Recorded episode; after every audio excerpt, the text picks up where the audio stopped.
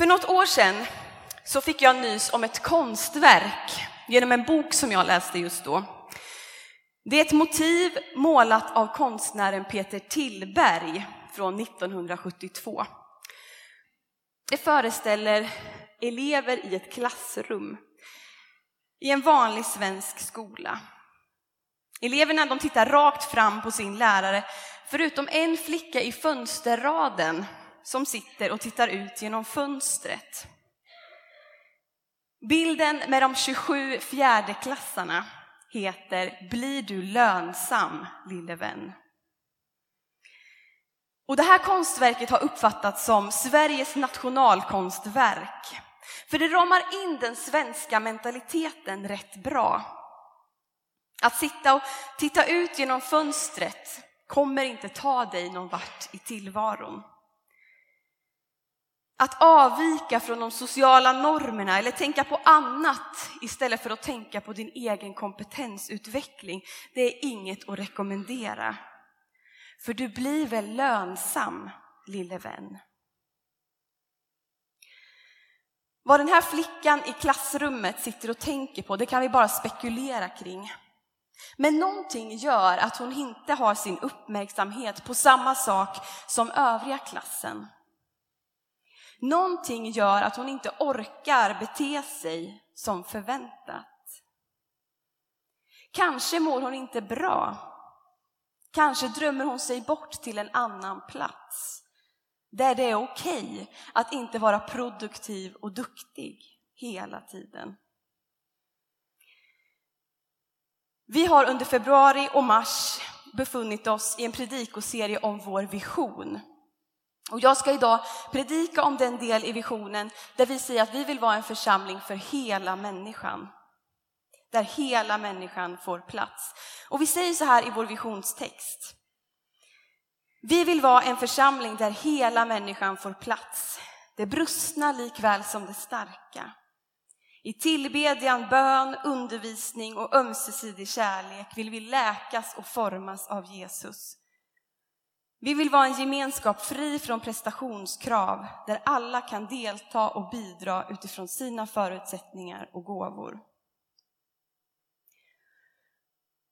Och man kan ju fundera på varför behövs en sån här betoning i en vision? Borde inte det vara så självklart för oss?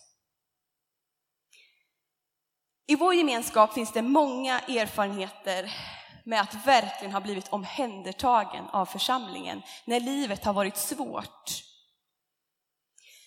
Men det finns också bland oss de som har erfarenhet av att församlingen kändes långt borta när livet sprack. Det är inget som är unikt för vår församling det räcker med att läsa lite svensk frikyrkohistoria för att upptäcka att det är en tendens som finns på flera håll. Och min enkla analys av frikyrkans agerande det är att man inte riktigt vetat hur man ska förstå det där med svaghet. En del skulle gå så hårt och säga att det är beröringsskräck för det som är lite svagt. Andra kanske skulle säga att det handlar om en osäkerhet i hur man ska tala och agera när en människa saknar psykiska muskler. Hur möter man en person som på sin höjd bara orkar titta ut genom fönstret? Om man lyssnar på exempelvis politiska debatter så har de ofta som genomgående tema hur Sverige ska kunna arbeta bort olika sorters svaghet. Det räcker med att lyssna på P1 en vanlig morgon för att få 10-15 analyser av hur olika samhällsaktörer borde agera för att komma till bukt med all denna svaghet. Människor som måste leva på bidrag. Vad gör vi med dem? Och traumatiserade flyktingar som inte kan jobba. Hur ska vi få rätsida på den gruppen? För att inte tala om alla elever som inte når målen. Vad ska det bli av dem? Jag vill idag ta er med till två bibeltexter som ger oss två perspektiv på hur Gud ser på just det där med svaghet. Den första texten jag vill stanna vid, den hittar vi i Andra Korinthierbrevets fjärde kapitel. Där kommer vi till ett textsammanhang där Paulus för fullt håller på att förklara för församlingen i Korint att det enda han vill med sin tjänst och sitt liv, det är att frambära evangeliet, inte frambära sig själv. Han är väldigt mån om att församlingen ska förstå det här, för att de inte ska kunna anklaga honom för att vara en som skryter med sig själv och sina erfarenheter. Och i vers 7 och framåt så skriver han så här. Men denna skatt har jag i lerkärl för att den väldiga kraften ska vara Guds och inte komma från mig.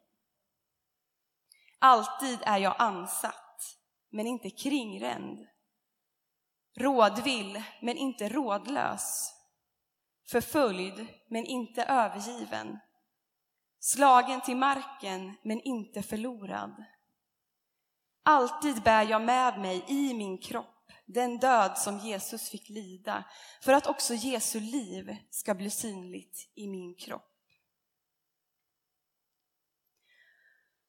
Och Paulus berättar här om baksidan av hans tjänst. Vi målar ibland upp Paulus som en liksom den store ledaren, men han hade mycket som han kämpade med. Många områden där han kände att han inte räckte till.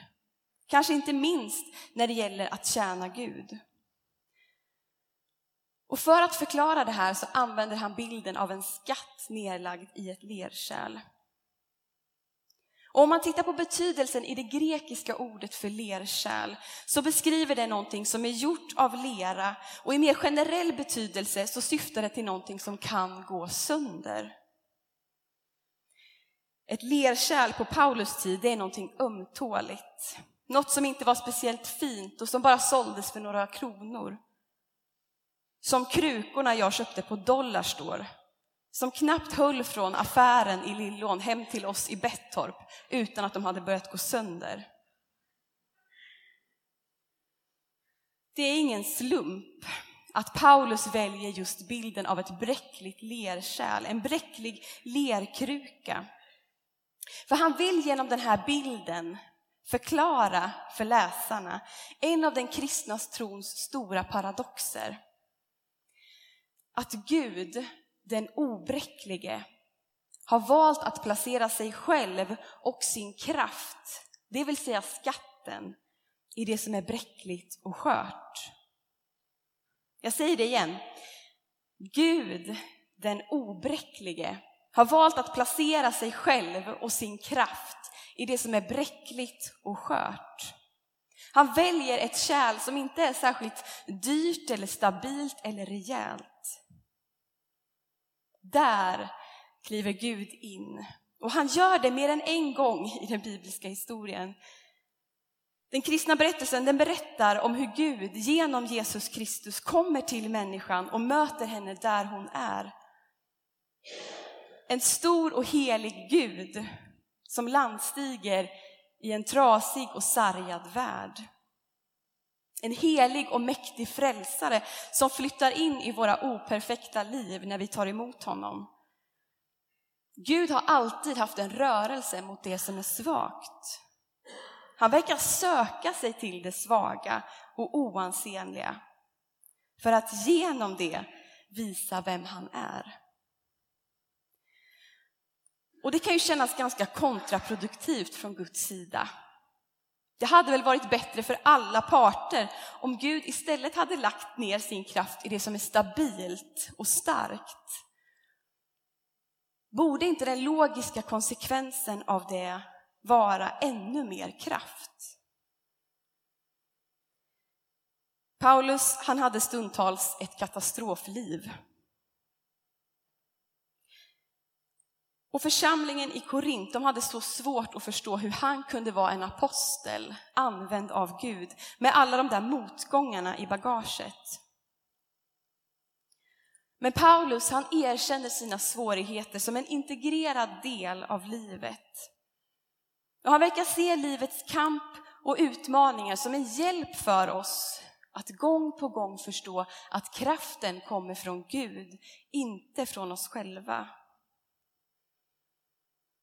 Om Gud lär oss det här genom Paulus liv, att svagheten inte är ett problem för Gud utan snarare någonting som han kan använda sig av. Betyder det då att vi bara ska infinna oss i våra lidanden utan minsta vilja att ta oss ur dem? Vi ska titta på en annan text i Lukas. Lukas fjärde kapitel, vers 16 och framåt.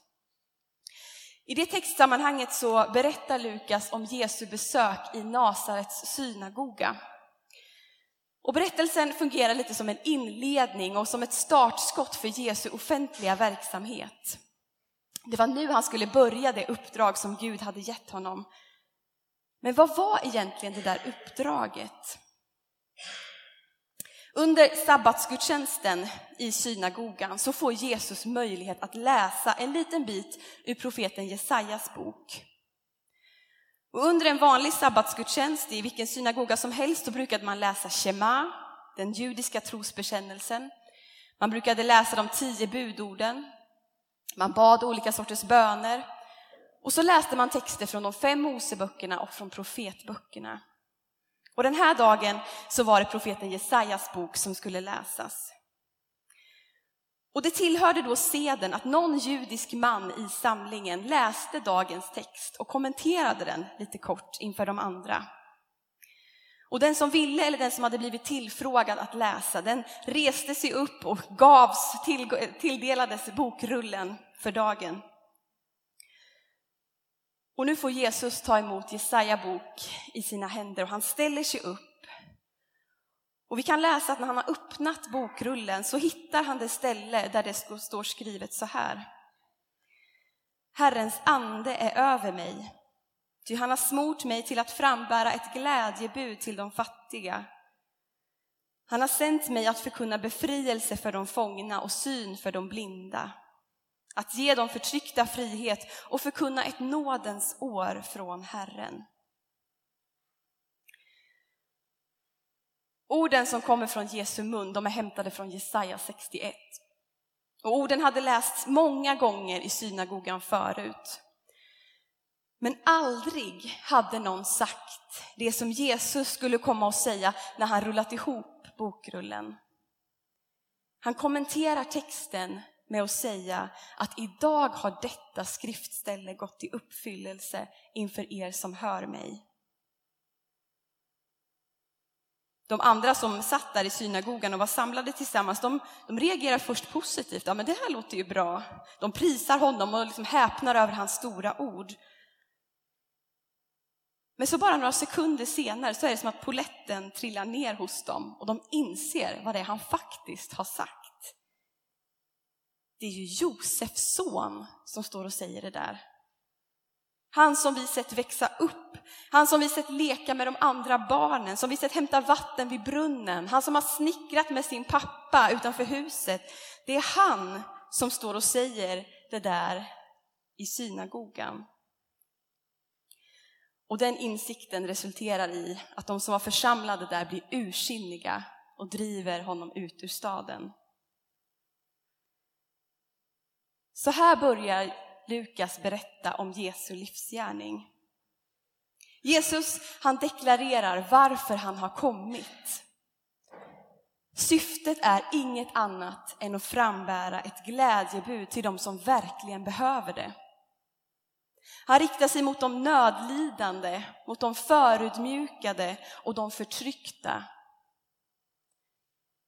Och han ger innehållsförteckningen till det som ska komma. Det här är mitt uppdrag, säger Jesus.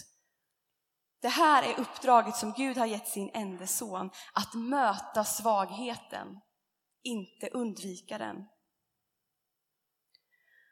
Och läser man vidare i Lukas så upptäcker man snabbt att det är precis det Jesus gör. Han botar sjuka, han förlåter synder och han befriar människor som varit fångna i djävulens grepp. Jesus har kommit för att göra trasigt till helt och upprätta det som är svagt och göra det starkt igen. Och I slutet av Lukas, i kapitel 24, så ger Jesus vidare det här uppdraget till sina lärjungar. Han säger, ni ska förkunna syndernas förlåtelse genom omvändelse till alla folk. Jesus ger vidare det uppdrag som Fadern har gett honom. Det ger han till sina lärjungar. Ni ska i ord och handling möta det som är svagt och upprätta det. Ni ska förkunna vem jag är inför alla människor. Uppdraget gavs till de första lärjungarna och det ges till oss som församling idag. Men trots att uppdraget är tydligt så får församlingen och den kristna gemenskapen ofta andra innebörder och betydelser än det var tänkt från början. När jag ska skriva ordet församling på datorn så blir det i 90 procent av fallen felstavat. Kanske du också har sådana ord på datorn som liksom alltid blir fel, som du skriver ofta men som du liksom alltid blandar ihop bokstäverna i. Det är inte så att jag inte kan stava till församling, det kan jag. Men det är som att min fingermotorik lärt sig fel vid något tillfälle och så slinker de här närliggande bokstäverna med. Och när jag ska skriva församling lite snabbt i något dokument så bildas istället andra ord. Exempelvis fördämningen frösamlingen, förslamningen, förlamningen eller förslavningen. Problemet med några av de här orden är att de inte blir rödmarkerade i Word. Och det gör att det ganska ofta står just de där orden i mina dokument. Och det kan bli ganska intressanta meningar. Nu när jag skrivit mycket om vår vision senaste tiden så har jag letat upp de här formuleringarna i sparade dokument. Vi vill vara en förslavning för nästa generation. Eller, vi vill vara en frösamling som lever av Guds ord. Eller min personliga favorit, förlamningen måste vara i rörelse. Den är. Och de där oavsiktliga, oavsiktliga slarvfelen, de blir ganska komiska. Men de uttrycker också det där med att församlingen ibland kan bli saker den inte är tänkt att vara. Att den lätt får andra innebörder och betydelser. För ibland kanske en församling känns mer som en förslamning, om det ens är ett ord. Jag tror inte det. Men som att den har blivit lite stängd och igenslammad utan frisk luft och färskt vatten. Eller att församlingen blivit förlamningen. Att kraft och engagemang nästan är slut och att rörelsen är långsam och svårmobiliserad.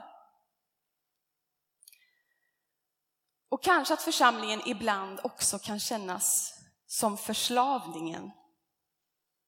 Där uppdrag och uppgifter år efter år kanske tappat sin glädje. Och det som förut var ens gåvor har istället blivit ens plikt. Församlingar har lätt att bli saker de inte är tänkta att vara. Och det gör att vi ständigt måste återvända till Bibelns sanningar och uppdrag till församlingen och återta en sann och god betydelse och innebörd i att vara församling. Och en väldigt viktig aspekt av det, det är att tala sant om det Bibeln säger om svaghet och kamp. Om vi läser både Paulus-texten från Andra Korinthierbrevet 4 och om vi läser Lukas programförklaring i Lukas 4 så kan det vid första anblicken kännas som att Bibeln säger två sanningar, två saker om svaghet som nästan motsäger varandra och som tvingar oss att välja betoning.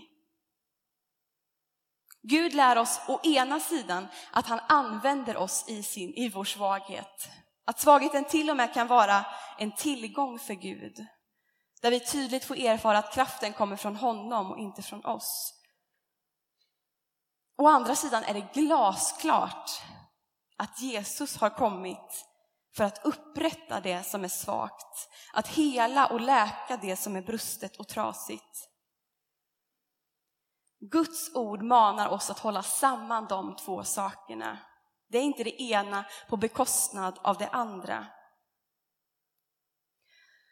För att använda två litterära referenser som är väldigt levande i det Hemströmska hemmet just nu, så handlar inte Paulus undervisning om att vi ska bli Ior-församlingar.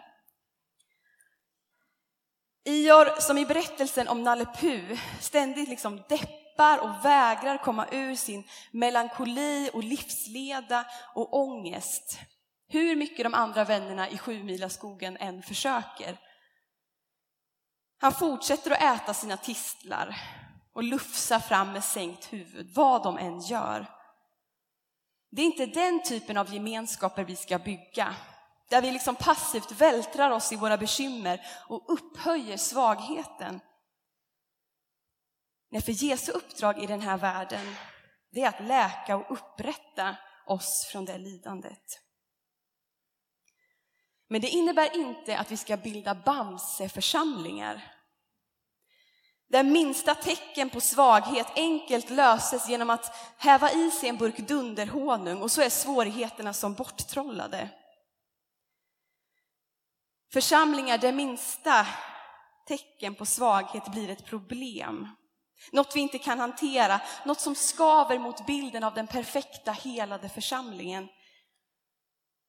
En sån församling kommer inom kort få många tomma bänkrader i sina kyrksalar. Eftersom mänskligt liv innehåller både kamp och härlighet samtidigt. Vi är brustna lerkärl och samtidigt kan vi bli helade och upprättade genom Jesus Kristus.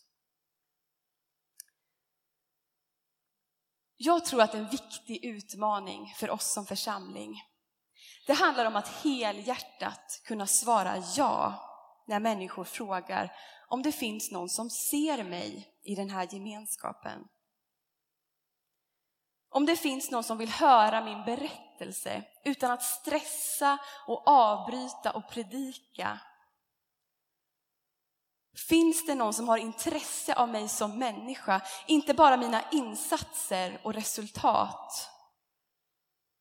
Finns det någon som förstår mig utan att jag hela tiden måste förklara och försvara mig? Finns det någon som tar emot mig, även om jag bara orkar titta ut genom fönstret, som tjejen i Peter Tillbergs konstverk? Genom vår vision så säger vi att vi vill arbeta för att människor ska få erfara att det finns ett tydligt ja på de frågorna. Ja, det finns människor som ser dig här. Ja, vi är intresserade av dig, inte bara dina insatser och resultat. Och ja, det finns en församling som tar emot dig oavsett vart du befinner dig i livet. Och detta ja säger också Jesus Kristus i mötet med oss. Ja, jag tar emot dig i det skick du kommer i. Och idag har vi vår årshögtid och vårt årsmöte. Det är en dag då vi tackar Gud för året som har gått och samtidigt så lyfter vi vår blick och tittar på det som är hans framtid för oss. Men det är också en söndag då vi lite extra får se varandra. Det här är vi, Philadelphia. En samling brustna och hela människor. En samling människor med behov, en samling människor som hjälper varandra i att vara människa. En samling människor som längtar efter att bli hela i Guds närvaro tillsammans. En samling människor som tror att Jesus Kristus kommit till oss för att upprätta hela skapelsen.